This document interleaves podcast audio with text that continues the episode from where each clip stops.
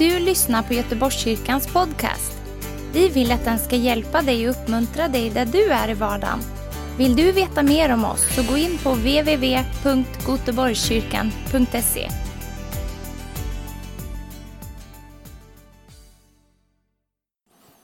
Herre, tackar dig för din nåd. Tackar dig för den fantastiska sången här, den fantastiska sanningen.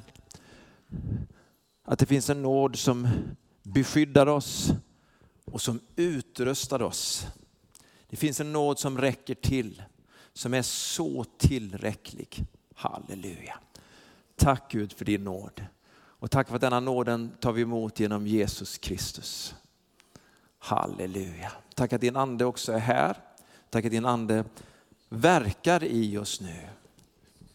Jag ber speciellt för den som är distraherad av någonting, att bara fokus ska komma just nu. Och den som följer oss, kanske via sin padda eller bara ser det här via tv, bara ska förstå att det här är, det här är någonting som är för dig just nu i Jesu namn. Någonting som kan förvandla ditt hjärta, förvandla dina tankar, förvandla också dina ord och göra stor skillnad i dina handlingar. I Jesu namn. Amen.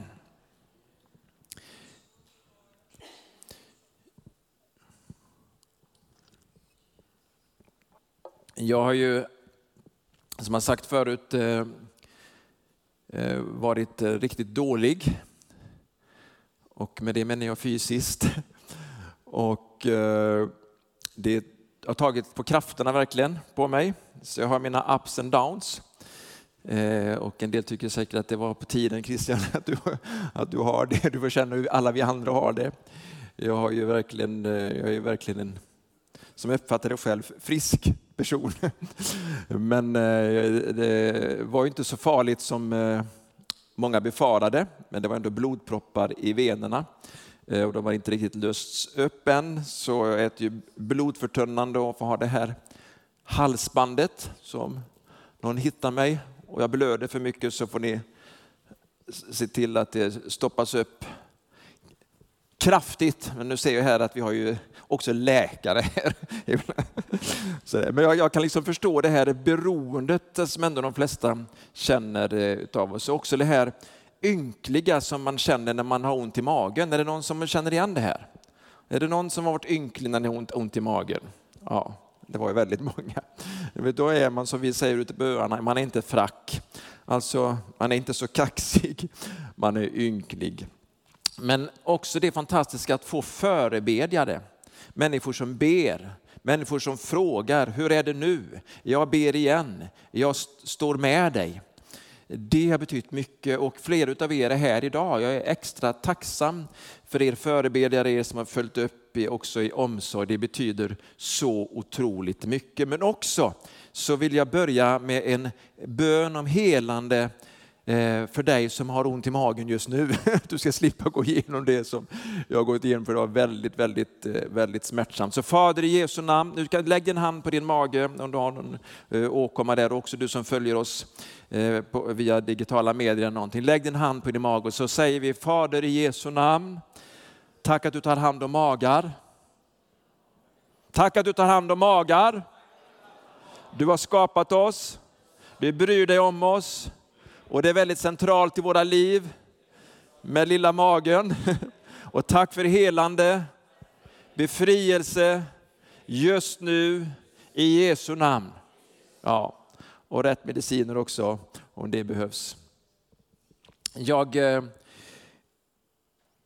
eh ska avslöja det att jag kan vara väldigt känslig om någon säger någonting om församlingen. Ja, då, precis som någon skulle säga någonting om min fru eller mina barn eller barnbarn eller familjen, så blir jag väldigt så här försvarande. Liksom, säg ingenting. Eh, och det här, den här predikan börjar egentligen med att någon hade varit på en gudstjänst och upplevt och så var det någonting som jag inte var liksom inte, det var så härligt och det var så underbart och alla sa hej till mig och, och det var tjo och, och kim och glatt och jag kommer gärna tillbaka. Utan det, det var det här. Håll i dig nu. Det var på engelska det här. It was like it came again and again. It's a lukewarm spirit. Och jag bara kände, käre gode, det där tar jag inte emot. Kan ni känna igen det där? liksom, liksom, då började man rannsaka sig själv. Liksom. Men jag sa, att det handlar om att man accepterade en lukewarm, alltså en, en gömhet som man egentligen inte ville ha. Men det blev inte, inte liksom tillfälle och inte profetiskt mod till att gå fram till förbön. Och det här liksom verkade inom mig. Så här, Gud, jag rannsakar mitt eget hjärta. Eller Gud rannsakar mina hjärtan och mitt hjärta och mina njurar. Är det någon som bett den bönen någon gång? Det är väldigt gammalt testament, tänker du. Men det, det handlar liksom inte bara om de här fysiska organen. Det handlar om att Gud får kolla in och utvärdera hur vi har det egentligen i vårt hjärta, i vårt sinne, i vår relation till Gud, i vår relation till människor. Vågar vi be sådana böner? Eller vill vi helst bara att någon ska komma och säga allt är bra? För jag ska ju ändå erkänna det att när jag liksom, min fru tvingade in mig till, till eh, eh Bergsjöns vårdcentral, för så var det ju. Eh, och då, jag ville bara att de skulle säga allt är bra och liksom säga liksom preskription, ta två Alvedon, gå hem, sluta gnäll gubbe, för det är liksom så man vill ha. Eller man kommer till, till någon, liksom, man vill ha lite plåster och så ska det vara bra. Men om någon hade sagt, och de här läkarna hade sagt efter bedömningen, efter att de såg att sänkan var dålig, eh, så att men allt är bra, vi oroar inte den här patienten mer. Vi säger att allt är bra, och skickar hem personen och så får man liksom eh, avlida i sin, i sin plåga. Det är ju ingen som vill ha det så med fysiska läkare, eller hur? Men varför vill vi tänka så då när det gäller det andliga livet? Och någon säger, det är inte, tillståndet är inte bra. Hallå? Sänkan är dålig eller blodtrycket är för högt. Alltså det är inte bra. Vi hittar någonting här inne på röntgen, vi behöver ha röntgen till. Och sen blev det en tredje röntgen. Och på tredje dagen uppstod jag inte, utan på tredje dagen var jag väldigt orolig. För då skulle jag liksom få domen av den sista röntgen. Vad var den sista röntgen? Vad heter den? MR. Ja, magnetröntgen. Ja. Det var väldigt olustigt att bara vara inne i den tuben, ska jag säga, där det räckte. Men man måste ju gå igenom det. Alltså, vi måste låta någon röntga hjärta, njurar, våra sinnen, vårt andliga liv ransaka oss, eller hur? För vi kan ju hoppa över bilbesiktning och hoppas att allt går bra, men vi förstår att det är bra för oss. Vi kan hoppa över läkarbesök, men vi förstår att det är bra för oss. Vi kan liksom skippa allt vad röntgen säger och tänka, ja men det är bra för oss. Och sen när domen kommer får man åtgärda det. Så säger heliga ande, hjälp mig att förstå. Jag ska i alla fall läsa skriftstället om vad Jesus säger, för jag hade ju predikat, jag tror precis det var bara några dagar efter jag hade predikat om att hör vad anden säger till församlingen på församlingsdagen. Liksom. Och så fanns ju det här med innan. Så nu läser jag Uppenbarelseboken kapitel 3, vers 15 och vers 16. Då säger profeten, eh, alltså den helige ande genom profeten, jag känner dina gärningar, skriver han ner Johannes i Uppenbarelseboken. Du är varken kall eller varm. Jag skulle önska att du vore kall eller varm. Men eftersom du är göm, alltså lukewarm, och varken varm eller kall skall jag spjuta dig ur min mun. Alla som jag älskar tillrättavisar och tuktar jag. Kommer det igen? Visa därför iver och vänd om. Se, jag står vid dörren och knackar. Då läser jag vers 19 och 20. Uppenbarelseboken kapitel 3. Om han någon hör min röst och öppnar dörren, tänk dig hjärtats dörr, ditt innersta. Öppna den dörren så ska jag gå in till honom, säger Jesus, och hålla måltid eller festgemenskap med honom och han med mig. En del de vill bara ha festgemenskap. Man vill bara ha det bra.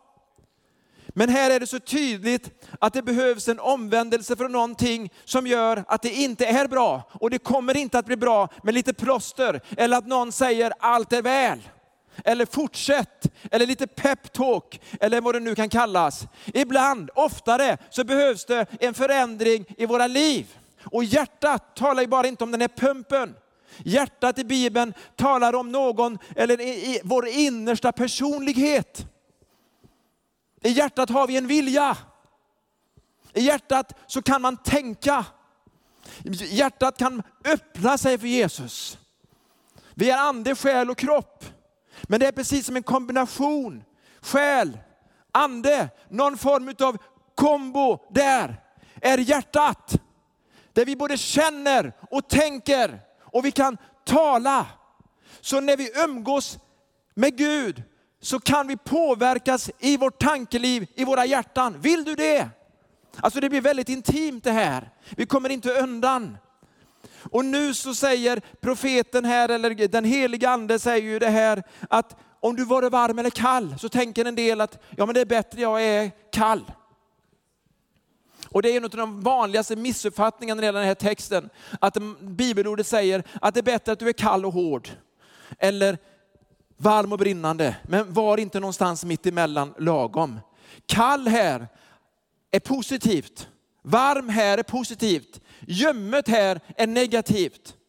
För från Kolosse och från Hierapolis så kom det liksom varma källor, eller en kall källa. Och när liksom det rann över slätten så kunde det förorenas. Och när det kom fram till Laodicea så var det gömmet. Alltså kompromissen under vägen gjorde det kalla, det uppfriskande gömmet, eller det varma, bubbelbadet, det blev bara gömmet. Ni som känner mig vet att jag älskar bubbelpool. Men jag sätter mig inte om det är 34 grader det är för gömmet. Förlåt. Alltså 37, det ska vara liksom varmt. Det ska vara varmt, det ska vara skönt. Man ska bara, bara det, det, så ska det vara.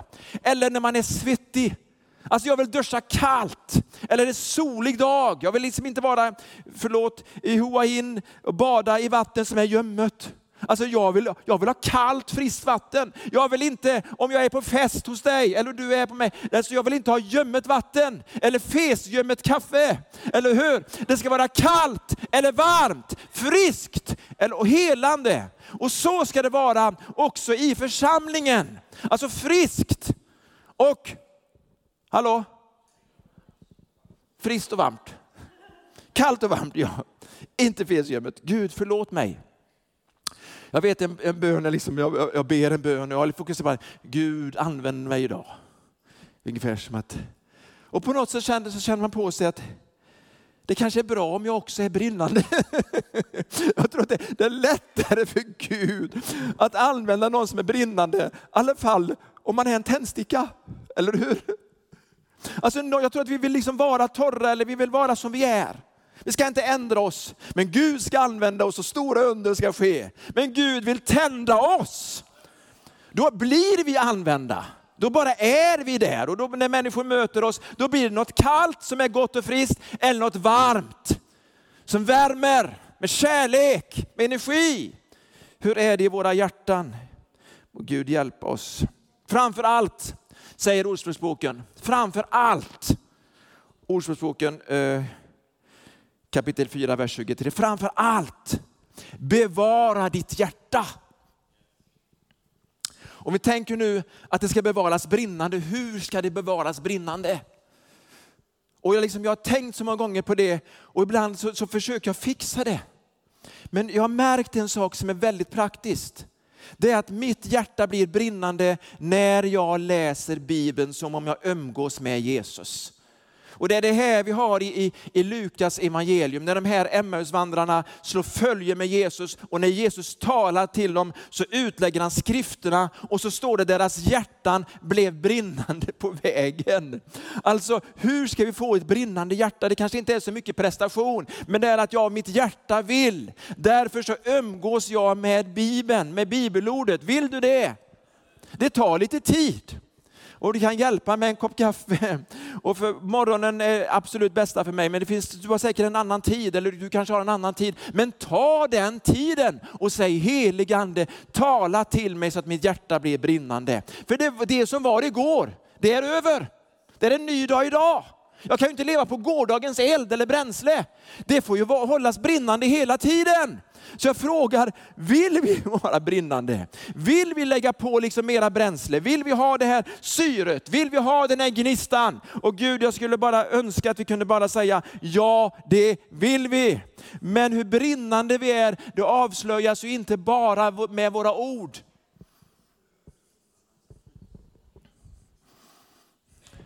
Det märks ju också i våra gärningar, eller hur? Därför så säger Jesus inte bara att han känner våra hjärtan, han känner våra gärningar. Det är lite skrämmande för en del. Det har varit så skönt man bara kände våra hjärtan. Ingenting hade blivit avslöjat. Jag kände liksom, det är bara liksom en, eh, vad heter det, en scanner eller en, eh, vad heter det, en, en röntgen. Och så är det några, ja, Men så avslöjas det saker där som måste åtgärdas. Vi måste ändra på våran livsstil. Det där kan vi inte fortsätta med längre. Det där får vi ta till. Det här behöver jag. Och jag tror att det är det där som är så svårt för oss. Vi skulle bara önska få ett plåster. Fortsätt som vanligt. En klapp på axeln. Men Gud säger många gånger, det här ska du börja göra nu. Istället vill vi göra just det här.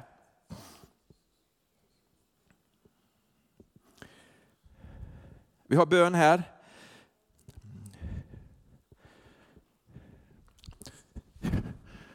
Och vi ber för människor.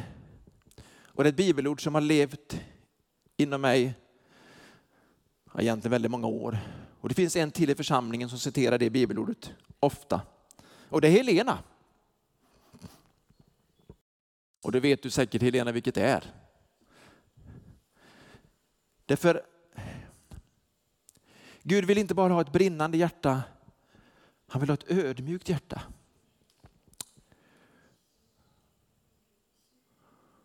Och jag tror att man ibland försöker dölja oförlåtelse eller besvikelser genom sina ord eller sitt liv. Men så avslöjas det.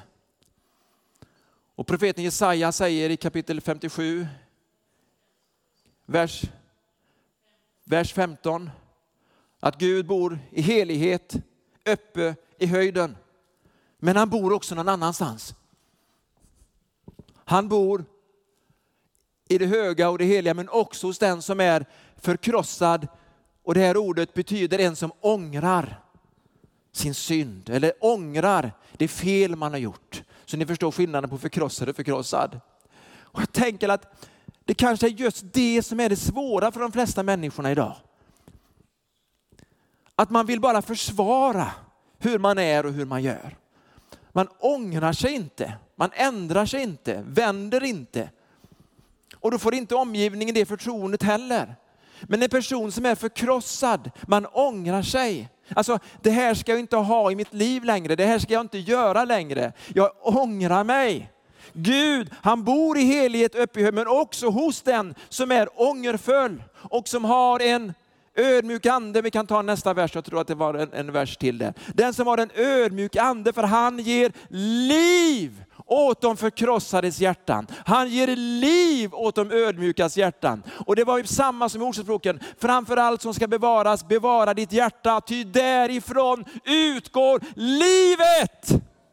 Så den här hjärtepumpen talar om livet, men också våra hjärtan talar om det liv som Gud ger. Och då finns det ju en fiende, en själafiende, en makt som vill ta bort hjärtats relation med Gud, hjärtats renhet, ödmjukheten, gör oss stolta.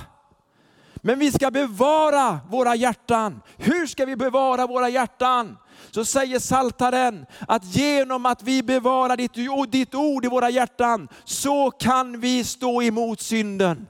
Där ger det kraften i Guds ord bevarar våra hjärtan. Halleluja! Så nu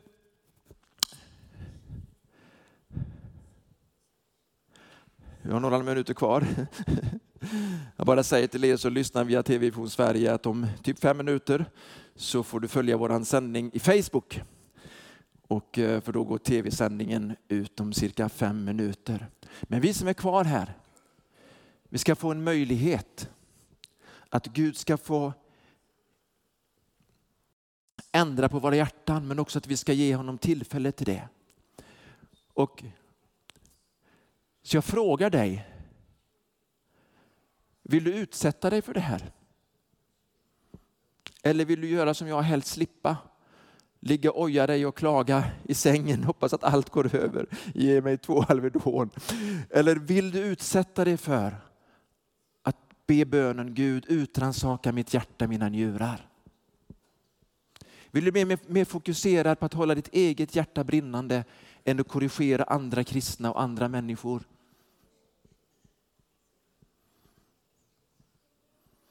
Jag kan säga att det blir mycket mer attraktivt att rannsaka sig själv. Tänk om vi skulle göra så med andras bilar. Vi besiktigar vår egen bil.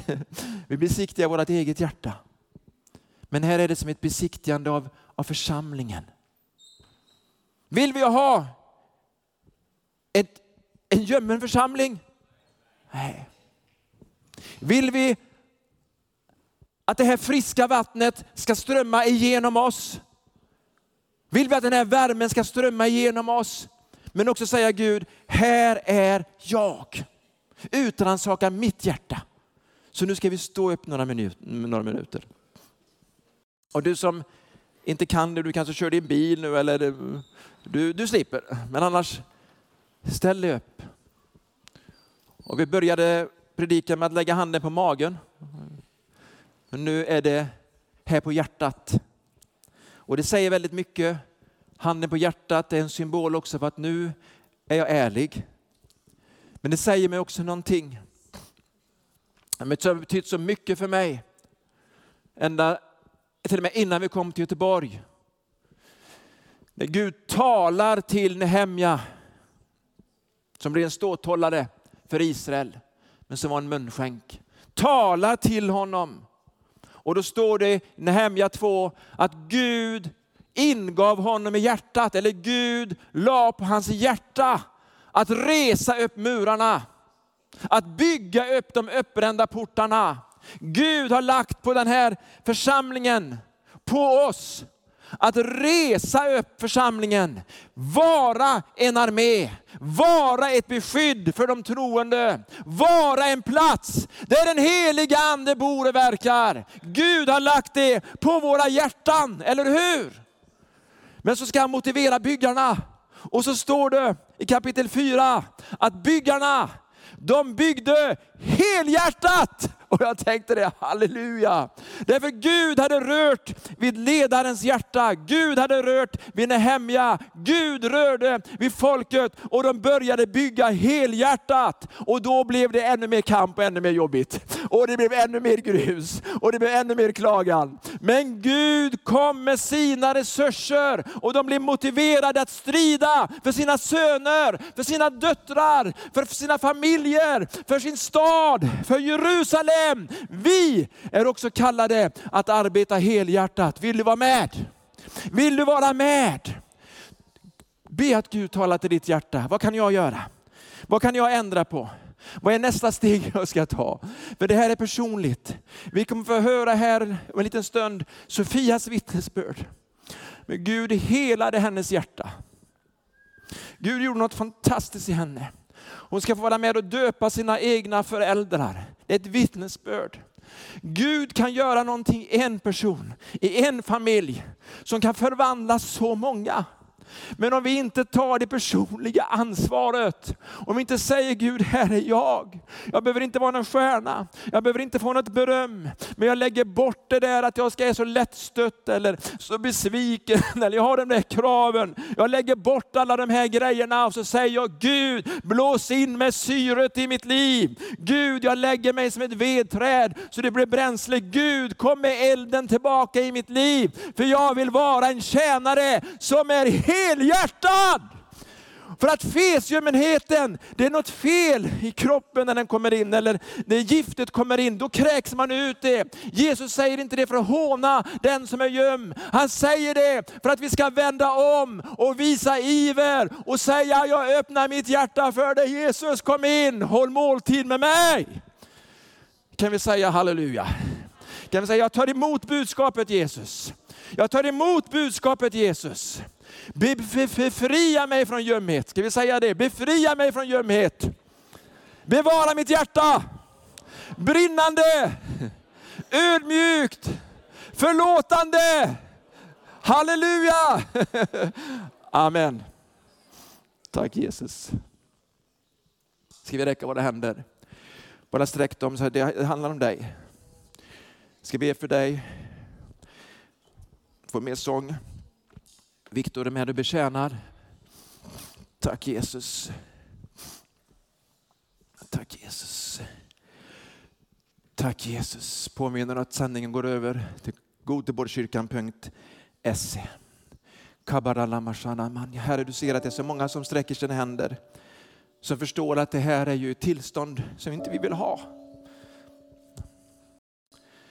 Ett tillstånd som bara skapar kräkreflexer. Med hela våra hjärtan Gud, så att vi gör det som du har lagt på våra hjärtan och får andra att göra det också. För våra familjer, för vår församling, för Göteborg, för vår nation Sverige, men också alla andra nationer som är representerade här idag i Jesu namn. Tack Gud att du gör liv åt de förkrossades hjärtan, du gör liv åt den ödmjukes ande. Och vi kommer nu Gud. Vi ångrar det som har varit och vi vänder oss till dig för du gör någonting nytt. Skulle bara vifta till Herren och säga gör någonting nytt. Bara vifta, säg som du vill i din bön. Herre du känner mitt hjärta, du känner mina njurar, du känner min ande, du känner mitt tillstånd. Herre det handlar om mig, du kan förändra oss. Men vi kan också säga Herre, vi vill, vi vill. Vill du? Tack Jesus. Bara fortsätt i din bön. Vi kommer inte att bjuda fram till, till förbön direkt här nu, men jag vill önska att du ska ha din personliga bön till Gud. Och varsågod Viktor, ta oss med. Tack Jesus. Tack Jesus. Halleluja.